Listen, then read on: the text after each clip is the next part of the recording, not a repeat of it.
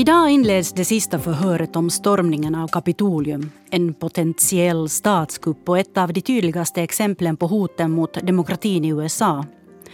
Arbetet med att reda ut vad som hände anses vara viktigt för demokratins framtid.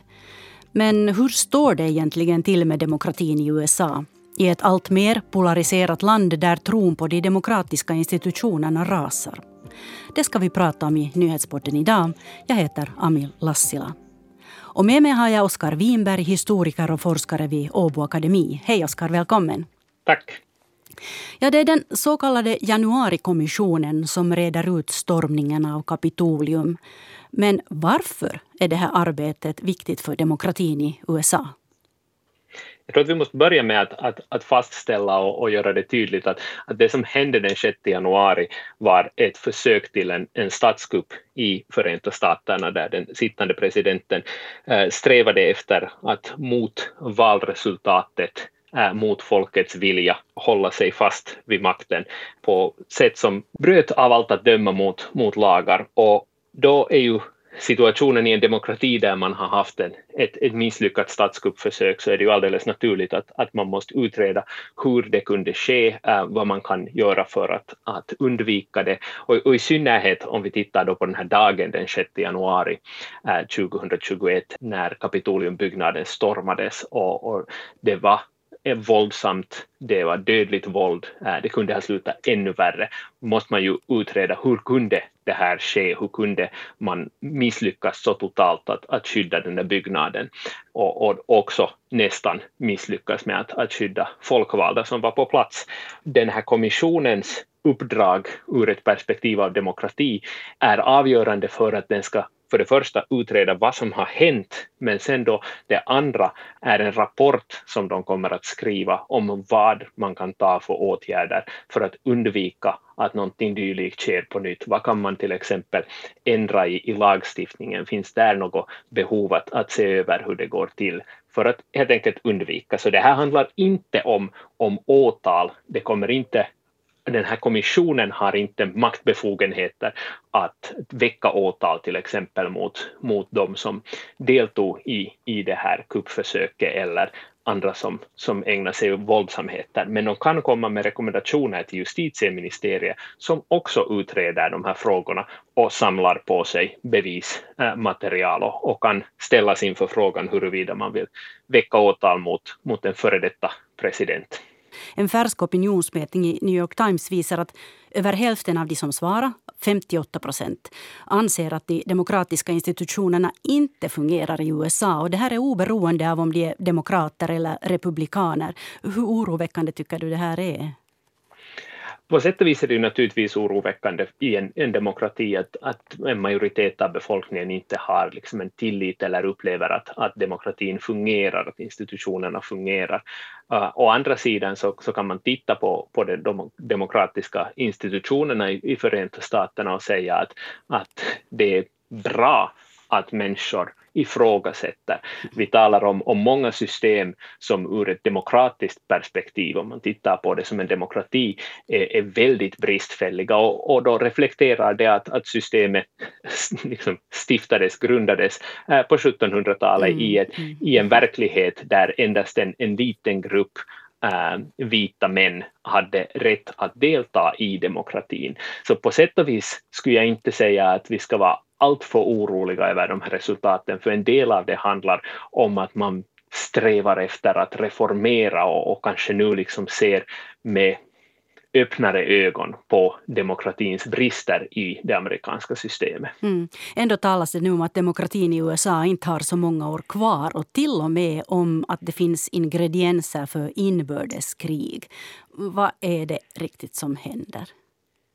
No här får man lov att, att sätta korten, korten på bordet så att säga och vara ganska öppen och, och rak om, om vad som är hotbilden. Och det republikanska partiet har i allt högre grad övergivit demokratiska värderingar och eh, tron på ett, ett, demokratiskt system. Och det här är någonting som statsvetare redan i över tio år har diskuterat och, och varnat för.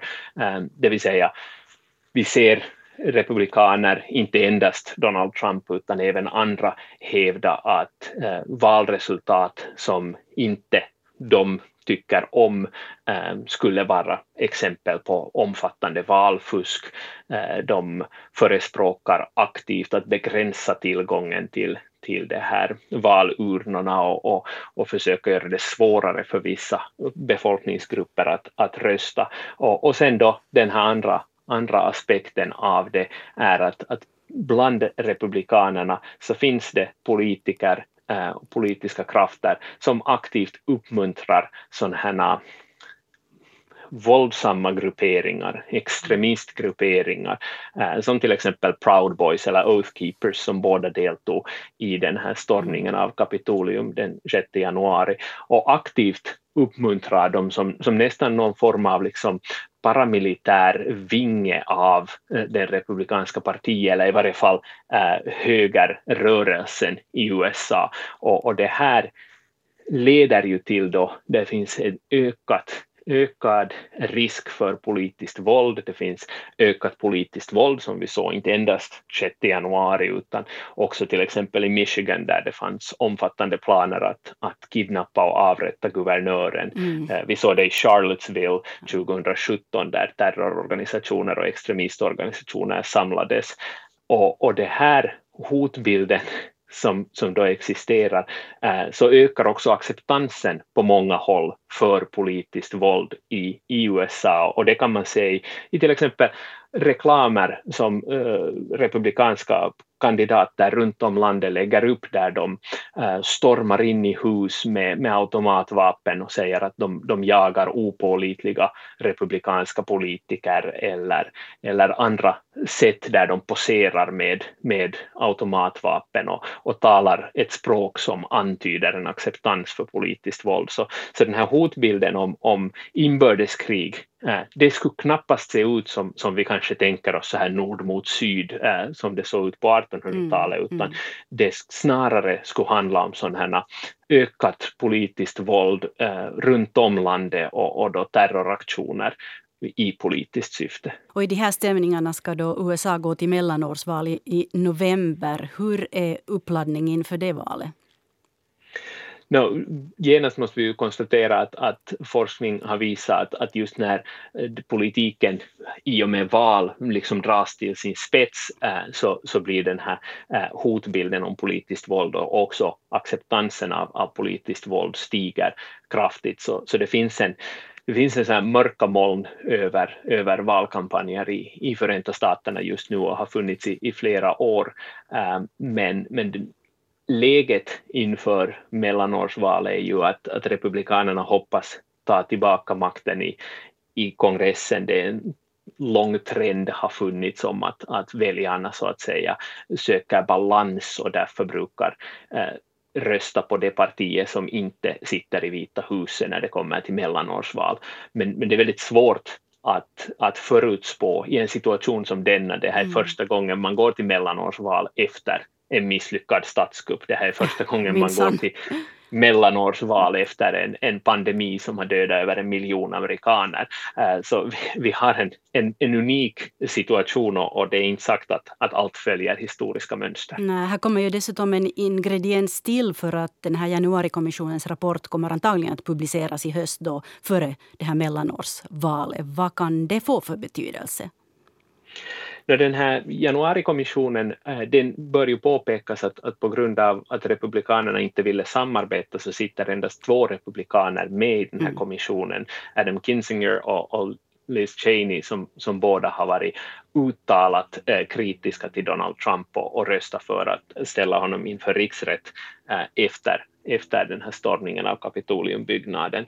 Um, och, och, det gör att det finns liksom ingen försvarare av Trump i den här kommissionen och, mm. och då har de kunnat föra fram under sommaren i, i olika televiserade uh, vittnesmål och, och, diskussioner så har de kunnat föra fram en, en klar bild av vad det är som händer. Och, och det här har faktiskt varit lite av en sån här överraskningssuccé i, i USA vad gäller tittarsiffror.